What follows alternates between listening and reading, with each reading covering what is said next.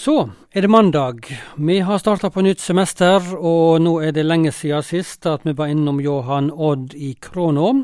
Jeg snakka om kunstneren og predikanten Odd Dubland, som bor på Ålgård i Rogaland. Og du er hjemme og venter oss på besøk, Odd, i dag?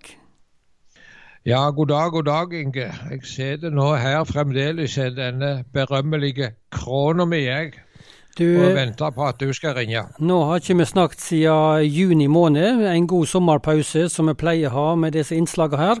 Men du har ikke sittet i krona i hele sommer, vel? Nei, men jeg har ikke vært ute på noe reis. Jeg har uh, Helle meg med teltene, som vi sier. Ja. ja, jeg har helle meg med teltene. Ja, Du har ikke vært på telttur ja. heller, men du har holdt deg hjemme? Nei, jeg har ikke altså. vært ute og reist noen ting større. Jeg har ikke det. Nei. Men eh, litt i farten med det gode budskapet. Er du rundt forbi på møter, tror jeg? Ja, det begynner så smått å åpnes opp igjen. Altså, Nå har vi hatt både stevner og møter rundt forbi. og jeg vi hadde et uh, stevne på, en, eh, på et, et sagbruk bort på Mossige på Jæren. Her for søndag for det 14 dager siden, eller det er mindre enn det. Og uh, det var en hel del for samla der. Vi var ikke helt heldige med været da, men det var nå gildt å kunne samles. Du, og i går, ja. går, søndag så var jeg på Gilje på søndags formiddagsmøte klokka 11. og snakket litt om Hans Nilsen Hauge. Ja, for denne lekpredikanten og næringslivsgründeren Hans Nilsen Hauge, som det altså er 250 år siden var født dette året, han eh, har opptatt deg, vet jeg, på, på mange sånne møter du har snakka om han. Ja, jeg er ikke ferdig med det ennå, faktisk. alt. Det er en mann som fascinerer meg veldig, og jeg har prøvd å samle en del stoff omkring han, så jeg har hatt en del innlegg om det rundt forbi flere plasser. Men du sa nettopp at du hadde hatt et stevne, eller deltatt på et stevne på et sagbruk. Jeg var litt nysgjerrig. Et sagbruk, det var jo òg en, en plass? Ja, du ser det er en plass her mellom Garborg og Undheim på Jæren. Der er det en plass som heter Mossige. Og Der er det en veldig fin park, og der bor Erling og Magnhild Fosse. og de Vi gikk inn for det vi skulle ha stevne der. og Så har de òg et sagbruk, og hvis det var dårlig vær, så måtte vi være inne i den store sagbrukshallen. Det var, og det var vi nødt til denne gangen, fordi at været var ikke godt.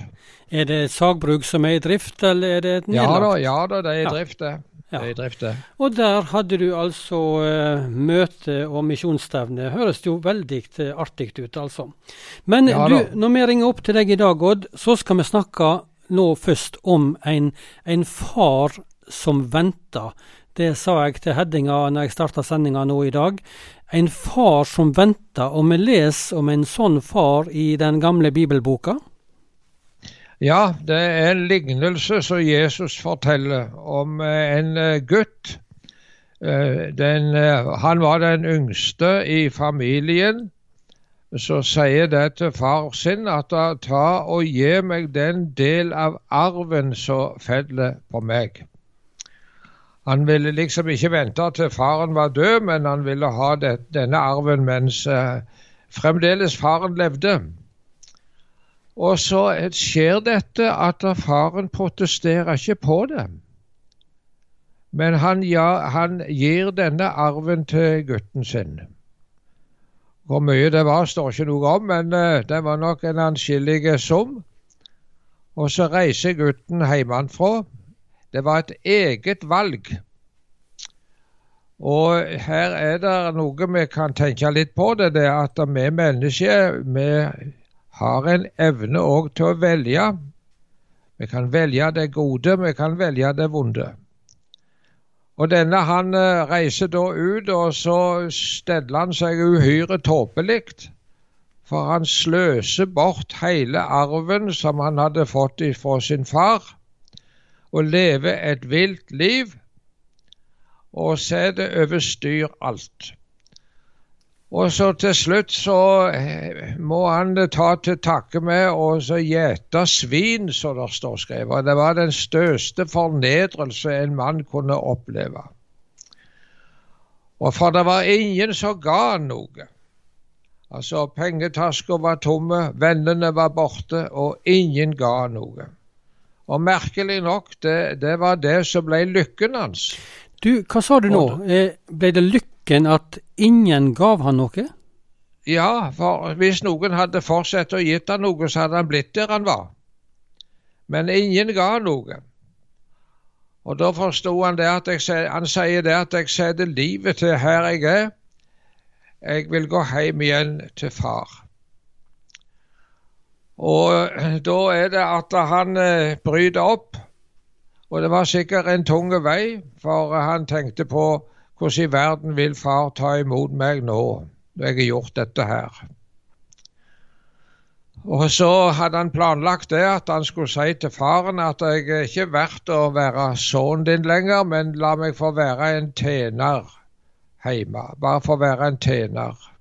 Alt var bedre enn det livet han hadde nå. Og så tok han på heimvei, og så møtte han en far som sprang imot han og tok imot han med stor kjærlighet. Og slik er Gud i himmelen for den som vender om. Jeg kom til å tenke på en, en svensk forfatter som heter August Strindberg. Han var kalt den svenske Ibsen. Var fabelaktig til å skrive, og jeg har også lest bøker av han. Men han var gudsfornekter eller ateist og fritenker, og ville ikke ha noen ting med kristendom å gjøre. Og så ville han leve sitt eget liv, og det gikk ikke så veldig bra.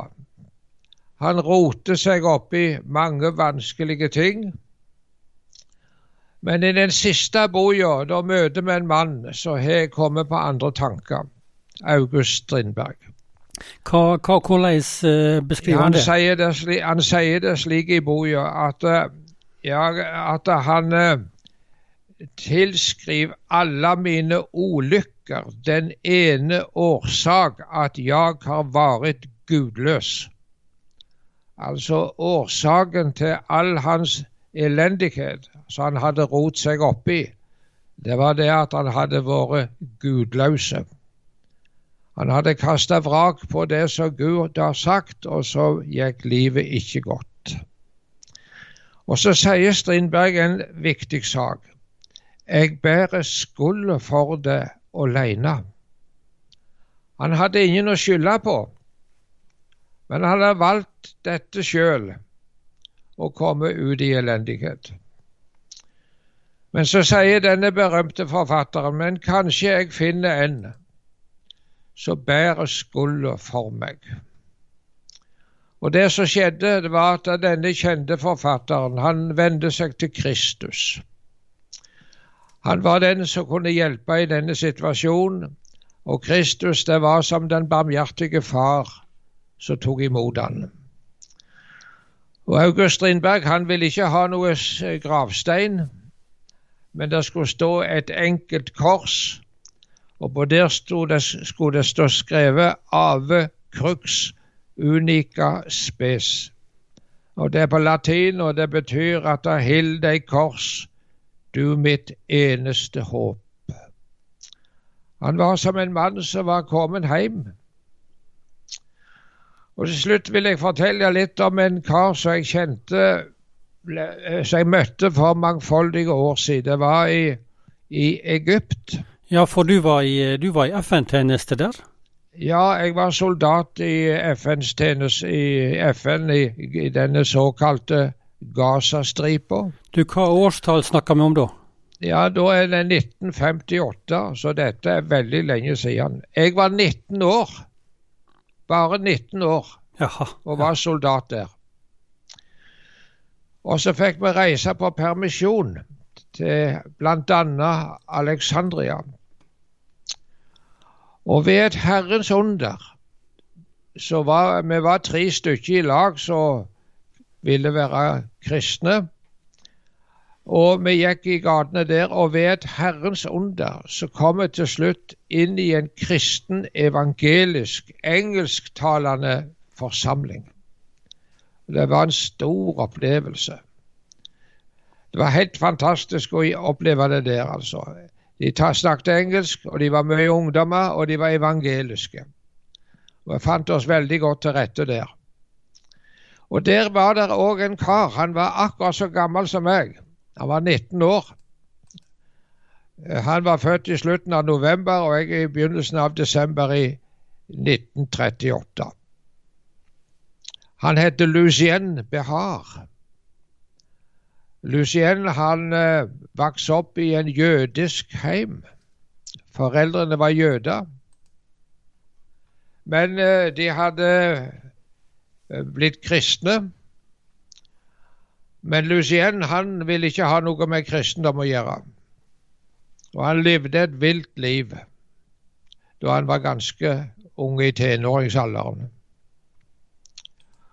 Han var så til store problem for sine foreldre at Gud undres på at, nei, at foreldrene undres på at Gud kunne gi dem slik en sønn som Lucien, som stelte seg så dumt. Men så skjedde det noe alvorlig. Det var det at det var en pøbel og, og mobb i Kairo. Det var der de bodde da. Eh, som hadde bestemt seg for at de skulle brenne inne disse jødene som bodde i denne blokka.